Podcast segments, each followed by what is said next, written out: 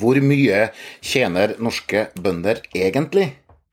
Det skal Sandra Borch eh, snart finne en metode for å regne ut. Men den metoden vil hun neppe tørre å bestemme uten å ha med en opprører fra Østfold på lasset. Senterpartisten Sandra Borch er utvilsomt jordbrukets venn. Som statsråd har hun like fullt en naturlig motvilje mot å binde opp fremtidige budsjettmidler og utgifter. Det betyr at hun ønsker en fleksibel måte å beregne bondens offisielle inntekt på. Nå er høringsfristen eh, til den såkalte Grytten-rapporten ute. Sprikende høringssvar fra bøndene ville gjort det enklere for Borch å fått på plass en beregningsmetode for inntekt som gagner staten. Det vil si en beregningsmetode som viser at bøndene tjener ganske godt. Men svarene fra bøndene på Grytten-høringa er overraskende samstemt, iallfall på sentrale punkt. Nei, bondeinntekten kan ikke vedtas ut fra tall hos de beste bøndene. Den må beregnes ut fra regnskapet hos snittbonden. Alle skal med.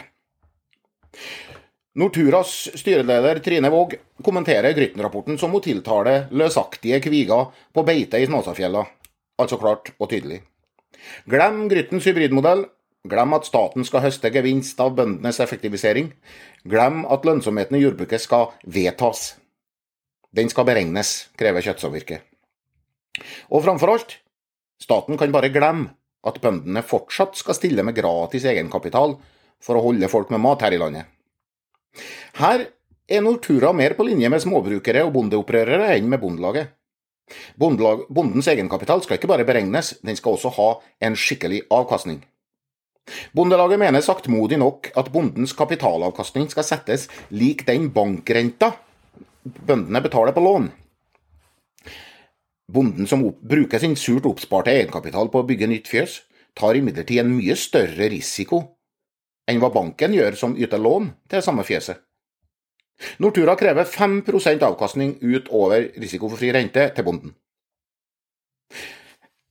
Enkelt sagt, staten vil beregne bondens inntekt høy, mens bøndene vil beregne den lav. Men, påpeker bondelagsleder Bjørn Gimming, den beregningsmetoden som blir valgt, må ha tillit både hos bøndene og politikerne. Og det er her det blir interessant. Tillit vil i den sammenhengen her bety aksept. Den nye inntektsberegninga gir en offisiell bondeinntekt som fremtidens jordbruksforhandlinger skal bygge på. Dersom Stortinget skulle vedta en ny modell over hodet på bøndene, er forhandlingsinstituttet slik vi kjenner det, dødt. Den ferske lederen i Norsk Bonde- og Småbrukarlag har allerede uttalt at gjenvalg og politisk popularitet ikke står høyt på hans agenda. Det er høyst trolig at Tor Jakob Solberg og det flertallet av småbrukere som valgte den, vil nekte å forhandle ut fra en kunstig høy bondeinntekt som er diktert av Stortinget. Det vil da bli ekstremt vanskelig for Bondelaget å sette seg til forhandlingsbordet alene, på overmaktens vilkår. Småbrukarlaget vil kunne fremstille dem som en slags jordbrukets Vichy-regjering, og vil kunne fremstille seg sjøl som selve la résistance. Kan Sandra Borch true bøndene med å si at ja, så lenge vi ikke blir enige om en ny beregningsmetode for inntekt, så må vi forhandle på den gamle vi har? Neppe. Stortinget har jo gitt Borch i oppdrag å lage en plan for å tette inntektsgapet. Og da må bondens inntekt sammenlignes med andre gruppers inntekt. Og det er som kjent ikke mulig med dagens modell for inntektsberegning. Sandra Borch har sagt at hun vil snakke med flere partier enn SV om det nye inntektsbegrepet for bønder. Høyre gjentar stadig sitt ønske om å frata bøndene en prismilliard og sende den til verdens rikeste forbrukere isteden. Alt det her er heftig skitt, som vi sier i Trøndelag, når møkka skal ut i sommervarmen etter førsteslåtten. Jeg tror ikke at Sandra Borch, Bjørn Gimming eller Tor Jakob Solberg ser seg tjent med å rushe en prosess som kan få så store konsekvenser. Derfor tror jeg at de tre blir enige om å forhandle årets jordbruksoppgjør ut fra den gamle bondeinntekten, men ikke oppgjøret i 2024. Den nye inntektsberegninga er jo nødvendig for å legge den såkalt forpliktende opptrappingsplanen for å tette inntektsgapet, som stortingsflertallet har bestilt.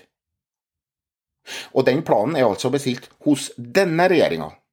Stortinget kan jo ikke forplikte fremtidige regjeringer til å tette bøndenes inntektsgap.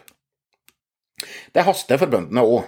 De trenger ikke bare økt investeringsstøtte, eh, men de trenger å vite at de investeringene de gjør, kan lønne seg på lang sikt, påpeker eks-landbruksminister Olaug Bollestad fra KrF.